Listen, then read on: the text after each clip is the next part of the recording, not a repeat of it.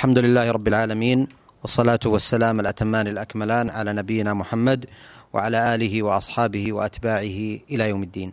أيها الإخوة والأخوات السلام عليكم ورحمة الله وبركاته. واهلا وسهلا بكم في هذا اللقاء الجديد من برنامجكم المسلمون في العالم مشاهد ورحلات. لقاء أسبوعي معتاد نعقده مع ضيفنا الكريم معالي الشيخ محمد بن ناصر البودي الأمين العام المساعد لرابطة العالم الإسلامي والرحاله والداعية المعروف والذي يتحدث إليكم عن بعض من مشاهداته وزياراته واستطلاعاته لأحوال المسلمين في العالم. معالي الشيخ محمد في بدء ومطلع هذا اللقاء باسم مستمعي ومستمعات إذاعة القرآن الكريم يسرني أن أرحب بكم وأشكر لكم هذه آه، وهذا التواصل مع هذه الحلقات الهامة التي تحدث عن أحوال المسلمين في العالم. معالي الشيخ محمد ما زلنا في تجوال سيبيريا وتتنقلون بنا في نواحيها المتعددة. آه، لكنني آه، لا أدري إلى أي ناحية أو جهة سوف نحط رحالنا هذا اليوم في جولة جديدة آه، من رحلاتكم. فأهلا وسهلا بكم. بسم الله الرحمن الرحيم. الحمد لله رب العالمين. وصلى الله وسلم وبارك على عبده ورسوله نبينا محمد وعلى آله وأصحابه أجمعين. أما بعد فإن الأمر كما أفضلتم أيها الأخ الكريم الدكتور محمد بن عبد الله أمشوح. بأن يكون الحديث عن غرب سيبيريا وقد فرغنا من الحديث عن شرق سيبيريا ومن الحديث عن شمال سيبيريا وبقي علينا الحديث عن غرب سيبيريا. أما جنوب سيبيريا فإن له حديثا آخر بل ربما أحاديث أخر لا لأنه لا يسمى جنوب سيبيريا وإن كان هنالك جميع جنوب سيبيريا لكن ليست هنالك إدارة باسم جنوب سيبيريا وإنما هي إدارة باسم بلاد الأورال. الأورال هذه اشتهرت بجبال الأورال وفيها مسلمون وسيكون الحديث عنها بإذن الله بعد الانتهاء من الحديث عن غرب سيبيريا الذي نبدأه اليوم. يستحسن أن نشير إشارة خاصة مختصرة عن وجود الإسلام في سيبيريا ودخوله إليها. لا شك بأن الدلائل التاريخية تفيد إلى أن الإسلام بدأ دخوله إلى سيبيريا في عهد دولة البلغار الأولى. دولة البلغار الأولى دخلها الإسلام في أول القرن الرابع أي سنة 300 وبعده بعدها بسنوات قليلة. فأرسل ملك البلغار إلى خليفة العباسي الخليفة المقتدر في ذلك الوقت في بغداد لقبه المقتدر. وطلب منه أن يرسل إليه مهندسا يستطيع أن يبني له قصرا من الحجارة أو من المواد غير الخشب لأن قصورهم كانت من الخشب وبيوتهم كانت من الخشب. هؤلاء هم أهل البلغار. على اعتبار أن بلادهم بلاد خصبة وفيها أشجار ضخمة يبنون منها منازلهم قال ولكن حصلت معركة بينه وبين بعض أعدائه من الكفار وهو قد أسلم ملك البلغار فخصمه أحرق قصره فاحترق. إذا كان هنالك قتال فمن الصعب على الناس أن يتلافوا ما تحدثه النار لأنهم يكونون مشغولين بمقاتلة الأعداء. فأرسل الخليفة إليهم بعثة فيها مهندس وفيها قاضي في بغداد وفيها عدد ربما كان بلغهم 12 أو نحوه ولكن كل هؤلاء لم يكن لوجودهم في هذه الرحلة أي فائدة للتاريخ. صحيح أنهم أنجزوا الأعمال التي وكلت إليهم ولكن الذي أفاد هو وجود الكاتب محمد أحمد الكاتب أحمد بن فضلان كما يسمونه يسمونه هم الكاتب. هذه هذا التعبير ليس من عندي ولكنهم لا يريدون بالكاتب ما نفهمه الآن من أنه الذي يكتب الصحف والمجلات إذ لا وجود للصحف والمجلات هناك وإنما يريدون بأنه كاتب الخليفة أو كاتب الوزير. وهو يقال له الكاتب أحمد بن فضلان هذا الرجل جعل الله فيه بركة وسجل هذه الرحلة منذ انطلاقها من بغداد حتى وصولها إلى بلاد البلغار على نهر إيتل الذي يعرف الآن بنهر الفلقة وتسميته بالفلقة هذه تسمية روسية. وأما التسمية العربية فهو إيتل وأما أما اسمه عند أهل البلاد من المسلمين وغيرهم وأغلبهم كانوا من المسلمين فهو نهر إيدل بالدال. وهو نهر الفلقة الآن. فوصلت البعثة إليه بعد أن أمضت أحد عشر شهرا ونصفا في الطريق من بغداد إلى بلاد البلغار وذلك أنها سافرت على بغال. وفي مرة من المرات سافروا يعني مرحلة من المراحل سافروا على جمال لأن لديهم مالا من الحكومة يستطيعون أن ينفقوا منه ما يريدون. وتصور كيف السفر على البغال التي هي بمثابة الحمير. ونعرف أن البغل تكون, تكون أمه حمارة أو تكون أمه فرسا ولكن والده حمار. هذا أمر معروف. والسبب في طول المدة أنهم عندما وصلوا إلى خوارزم كان الشتاء قد بدأ يحل في تلك الأصقاع.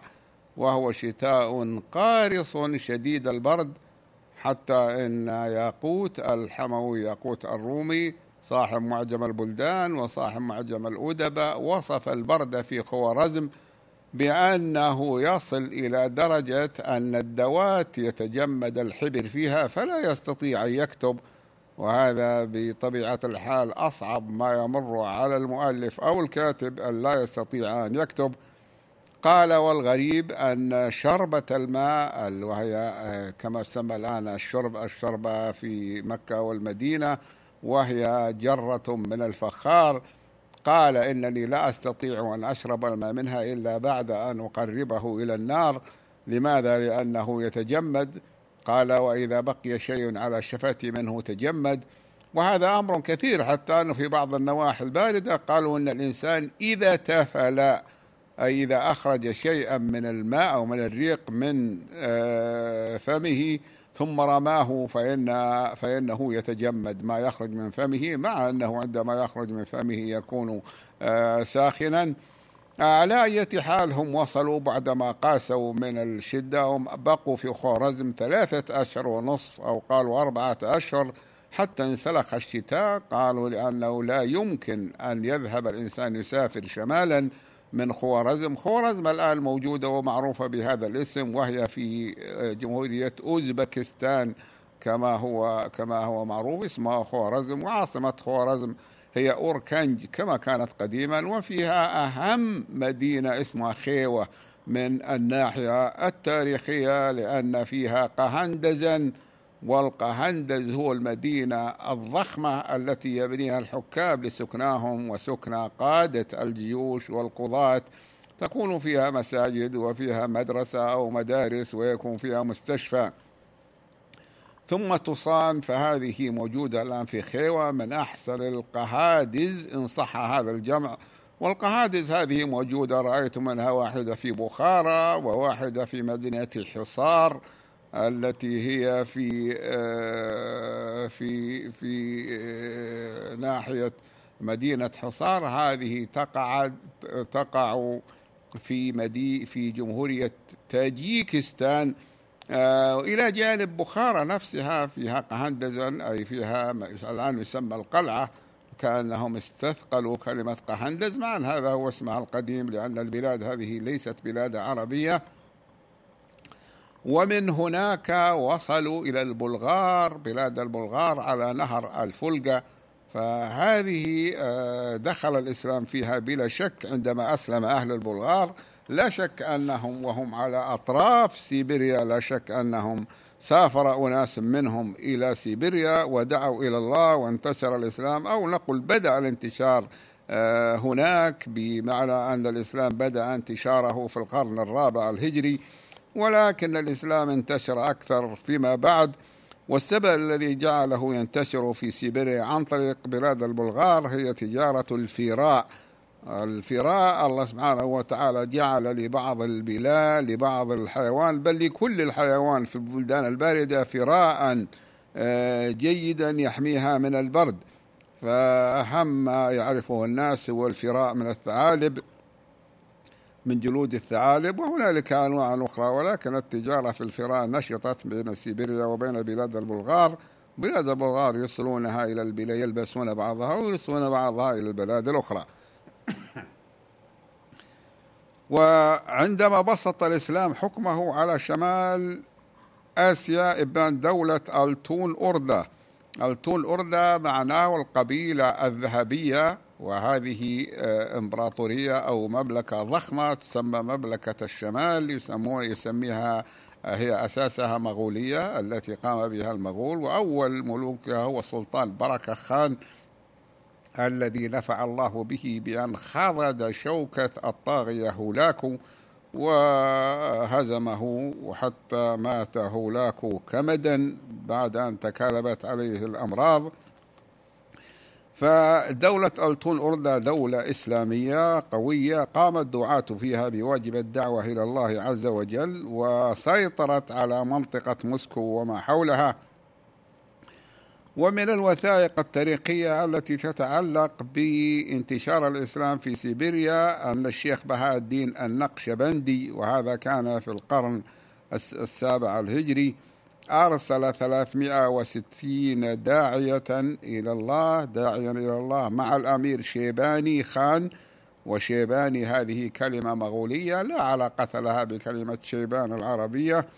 أرسلهم إلى حوض نهر إرتيش في عام 1394 ميلادية ويوافق 797 هجرية. وقد نجح هؤلاء الدعاة وأريد أن أوضح أن أستبق آه، ما أقوله فيما بعد وهو أن نهر أرتيش تقع عليه الآن مدينة أمسك التي سنزورها في مبتدأ زيارتنا لغرب آه، سيبيريا. وإن كانت المدينة أنشئت بعد ذلك بكثير. ونجح هؤلاء الدعاة في دعوتهم وبقي أحفادهم في عدة مدن منها مدن دبرفينيو وفوغاي وياركوف وكذلك مدن أخرى وكذلك في سيبيريا في سيبير عاصمة خالية سيبيريا. لماذا قلنا خالية سيبيريا؟ لأن الملك في سيبيريا كان يقال له الخان. فالخانية معناه المملكة. وأما سيبيري وأما سيبير فإنها هو اسم المملكة الرسمي المملكة الإسلامية. ولذلك وجدت عندهم مدينة أنا زرتها زرت أطلالها في الحقيقة وإن كانت أقيمت عليها وعلى أطرافها مبان آه اسمها إسكي سيبير أي سيبير القديمة لأن eski باللغة التركية معناه قديم. والذين سموها بهذا الاسم هم من التتار والتتار لغتهم لغة منبثقة من التركية آه، القديمة.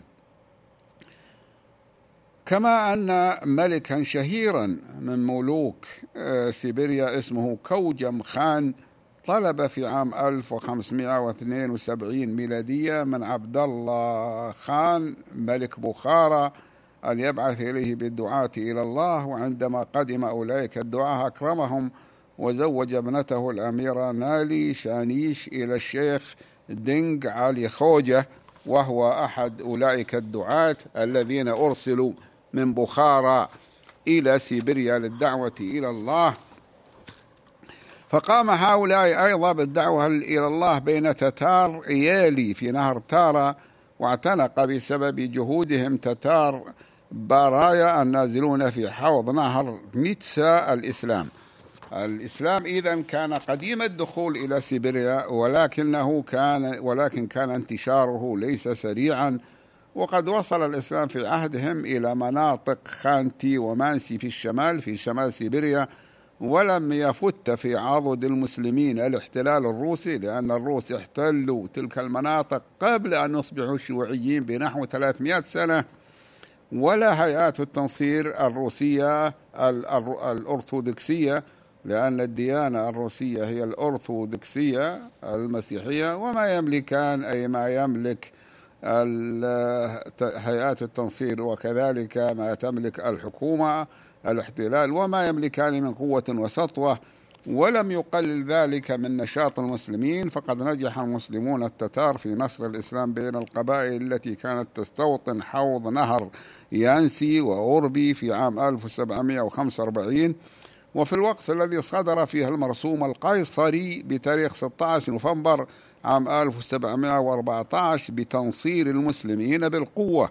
هذا آه، مرسوم مشؤوم لأنه صدر يأمر جميع يأمر بإجبار المسلمين في جميع أنحاء البلاد الروسية في ذلك الوقت. ومنها بلاد كانت إسلامية مثل تتارستان الآن بأن ينصروا المسلمين بالقوة. وقام القائد الروسي في دور ليشيجينسكي بحملة عسكرية لتنصير المسلمين في أوب وجولين في سيبيريا فيما بين عام 1718 و 1720 وقد مات آلاف المسلمين في السجون أو بالقتل والتعذيب لأنهم لم يرضوا أن يغيروا دينهم إلى الدين النصراني. يقول النصرانية وقيل إنه نتيجة لهذه الحملات في طول البلاد وعرضها لم يمكن تنصير إلا 2500 شخص في منطقة توبول التي سميت عليها اسم توبولسك ومدينة توبولسك التي زرتها وتكلمت عليها في الكلام على شمال آه، سيبيريا. ولم يشتكل يستجب القيصر إلى شكوى المسلمين التي رفعت إليه عن هذا هذه الإرغام وهم على التنصر.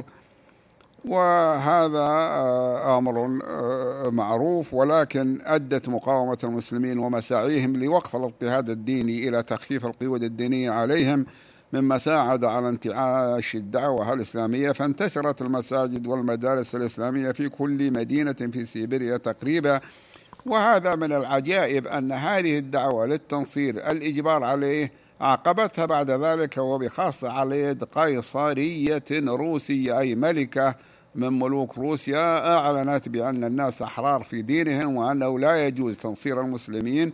فقالوا المؤرخون ذكروا أن النتيجة أن المسلمين الذين كانوا أجبروا على اعتناق النصرانية عادوا إلى الإسلام. ولا أن الأمر لم يكن كذلك فقط وإنما دخل أناس من غير المسلمين في الإسلام آه، في ذلك الوقت. ثم توالى نمو عدد المسلمين في سيبيريا بسبب هجرة المسلمين من داخل ما كان يسمى بالاتحاد آه، السوفيتي. هذه لمحة قصيرة عن وضع المسلمين في سيبيريا وعن تاريخهم. ولكننا الآن وقد تجولت أنا في أنحاء سيبيريا لم أصل إلى مدينة أو قرية كبيرة إلا وأجد فيها مسجدا وأجد فيها مسلمين إلا بعض القرى الروسية الخالصة. فهذه لا يكون فيها مسجد ولكن في الغالب التي لا يكون فيها مسجد لا يكون فيها كنيسة إلا ما ندر. على أي حال معالي الشيخ محمد أستأذنكم في سؤال مهم. هذه آه، التقدمة والحديث عن دخول الإسلام ووصوله إلى سيبيريا في هذا الزمن المتقدم. آه، قد يفاجئ كثير من المستمعين. هل كنتم تفاجؤون بأن كثير من المسلمين يعني لا يعرفون ولا يعلمون أن الإسلام وصل إلى تلك المناطق والبلاد بهذا الزمن المتقدم؟ الأمر كما ذكرتم لو كنت مثل غيري من بعض المستمعين ولكنني كنت قد درست وضع المسلمين في السابق وعرفت أن المسلمين في سيبيريا كانوا متمسكين بإسلامهم وكان عندهم مساجد إلا أن الطامة الكبرى بالنسبة للمسلمين هي أن الشيوعية سيطرت على البلاد الشيوعيين فاضطهدوا الأديان كلها ليس اضطهادهم خاصا بالدين الإسلامي بل جميع الأديان وأكبرها هو المسيحي الأرثوذكسي الذي هو دين عامة الناس في آه، روسيا. فالشيوعية منعت تدريس الأديان؟ بل منعت حتى التلفظ بالأديان بل منعت حتى الصلاة أو العبادة في غير المسجد. فإذا صلى شخص في البادية في مكان بعيد أو صلى في بستان أو صلى في جانب المدينة اعتبر مخالفا للقانون. وإذا خالف القانون الشيوعي فإن العقاب عليه شديدا. وأهم ما فيه أنه يعزل من عمله. وإذا عزل من عمله فالحكومة هي الوحيدة التي تعين الناس وتعطيهم أعمال. إلى آخره يعني ضغوط شديدة. لذلك أمسك المسلمون دينهم بدون أن يعرفوا ما يعني عامتهم نسوا ما كان يجب عليهم وعندما ذهبت الشيوعية إلى غير رجعة بإذن الله وتنفس الروس من مسلمين وغيرهم الصعدة صار المسلمون مسلمين بالإسم ولولا قوة تمسكهم بالإسلام بمثابة الهوية. أي بمثابة الشخصية التاريخية لهم لما بقي من الإسلام شيء في زمن الشيوعية التي سيطرت على البلاد نحو من ثلاث وسبعين سنة فأصبحوا مسلمين بالإسم ولكنهم لا يعرفون شيئا عن أمور دينهم ولا يمارسون العبادات الشرعية كالصلاة وكذلك الحج. لا يمكن أحد منهم أن يحج. ما عدا آه، بعثة من مسلمي روسيا تكون عددها 13 آه، آه، شخصا 13 شخصا من 50 مليونا وهؤلاء تختارهم الحكومة الروسية ممن يعملون لديها وليسوا ممن من أهل الدين الذين ليس لهم علاقة بالحكومة. فنحن لم نفاجئ بكثرة المسلمين. أنا لم يفاجئني كثرة المسلمين وإنما فوجئت بأن المسلمين أصبحوا الآن مسلمين بالاسم عندما زرناها لأننا زرناها بعد سقوط الشيوعية بمدة بسنوات قليلة. ولكن الآن لا ثم زرتها بعد ذلك وتبين لي أن الأمر لا يزال كما هو وأن كثيرا من المسلمين هم مسلمون بالاسم أو مسلمون بالهوية. فهذا هو السبب أو هذا هو الأمر بالنسبة إلي كما كرمتم ووجهتم السؤال. نحن آه، قمنا من خباروسك متو... خباروسك هذه في الشرق الأقصى الروسي واسمها ليست له علاقة باللغة العربية وإنما مجرد مصادفة خبر فسك كما نقول الخباروفية لأنها خبار اسم وفسك نسبة إلى أمسك وأمسك هذه مدينة رئيسية في غرب نيجيريا في غرب سيبيريا ربما كانت هي أكبر المدن في آه، في تلك المنطقة. واسمها أيضا أمسك مؤلف من كلمتين الأولى أوم وهو نهر يمر بها سيأتي الكلام عليه. وإسك هذه آه، نسبة كأنها الأومية إذا أردنا أن نترجمها ترجمة حرفية. خبار فسك مدينة رئيسية في الشرق الأقصى الروسي. كنا قدمنا إليها من مدينة بترو بافالوفسكا عاصمة ولاية كامشاتكا أقصى الشرق الروسي. والدليل على ذلك أن احتاج الأمر إلى دليل أن الطيران من موسكو إلى عاصمتها بترو بافالوفسكا قد استغرق ثمان ساعات وربع وربعا وأن فرق التوقيت بينها وبين موسكو هو عشر ساعات فموسكو تتأخر عنها في التوقيت عشر ساعات وهذا مماثل أو مقارب لفرق التوقيت بين بلادنا وبين جزر المحيط الهادي الجنوبي الواقع خلف القارة الأسترالية ومثل ودليل آخر وهو أن قارة أمريكا الشمالية ليست بعيدة عنها جهة الشرق حتى أن المسافة ما بين ألاسكا وبين عاصمة ذلك الإقليم التي زرناها وهي بترو بوفالوفسكا لا تتجاوز ألفي كيلومتر. أما مدينة خبروفسك التي نغادرها الآن فإننا قد وصلنا إليها قادمين من إقليم كمشتاكا واستغرقت الرحلة ساعتين وزيادة وكان فرق التوقيت بين المدينتين هو ساعتين. والغرض من زيارتنا لهذه الأقاليم الروسية النائية التي قلما يزورها أحد من البلدان العربية حتى أن أهلها ذكروا لنا أننا أول وفد إسلامي يصل إليهم وأن ملابسنا العربية هي أول ملابس عربية يشاهدونها عيانا في أقاليمهم وغرضنا كان هو الاطلاع على أحوال المسلمين فيها وبخاصة أن عاصمتي الإقليمين كليهما فيها فيها مشروع لبناء أول مسجد يقام فيها. فبالنسبة للأولى التي هي بترو بافلو فيسكا فكان المسجد أول مسجد يقام فيها على الإطلاق. كذلك بالنسبة لمدينة خبر وفيسكا فإنهم قد الحكومة قد منحتهم الأرض ولكن أهلها لم يستطيعوا أن يعملوا شيئا والمسلمون آه، يتفقون آه، المسلمون يتفقون من كبار السن أنه كان فيها مسجد قديم هدمه الشيوعيون في عام 1920 وأخفوا أمره حتى صار لم يبق منه أثر ولا عين إذ خططوا المنطقة التي كان فيها وجعلوا أرضه داخلة في رصيف الشارع. وفي أرض أبنية بنوها شققا سكنية. وبذلك لم يعد في مدينة خبر فيسكا أي مسجد مع أن عدد المسلمين من سكانها كبير يقدر حسب تقدير الجمعية الإسلامية فيها بثلاثين ألفا وفي باقي إقليم خبر فيسكا بخمسين ألفا. يعني هنالك في المنطقة ثمانون ألف مسلم ليس لهم مسجد ولكنهم مجرد أرقام لا تعني من الحقيقة شيئا في الوقت الحاضر. وإن كانت كنزا مطمورا ينبغي أن يستثمر في المستقبل فكلهم حافظ على إسلامه رغم المحن والمصاعب بل المصائب التي ابتلي بها المسلمون هناك في دينهم في زمن الشيوعية. بل الذي يتبنى سياسة زمن الشيوعية الشيوعية تتبنى سياسة الحادية. بزعم أن يعني كانوا يقولون أنهم قد صبغوا الشعب كله بالشيوعية عن طريق التربية في المدارس والإعلام والإغراء وإلغاء كل ما يمت إلى الدين بصلة. هذا هو كلام الشيوعيين وهو مبدأهم وبهذا يصح أن نسمي السلطات في العالم إلى أن يعني نقسمها ثلاثة أقسام.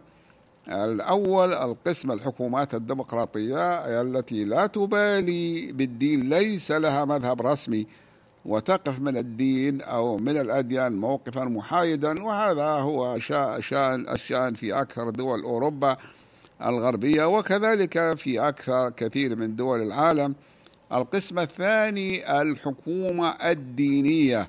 وهي التي يكون مذهبها المسيحية. ومن ذلك مثلا جمهورية الأرجنتين وبعض البلدان في أوروبا وهي قليلة وهذا يكون مذهبها المذهب النصراني. مثل ما نحن عندنا ولله الحمد مذهبنا الإسلامي يعني ديننا الرسمي هو الإسلام. وأما القسم الثالث فهي الحكومات العلمانية. هذه لا تعادي الإسلام ولا تناصره. وأكبر ذلك أكبر ذلك ماثل في أوروبا مثلا في فرنسا وماثل في البلدان في تركيا أيضا من البلدان آه، الإسلامية.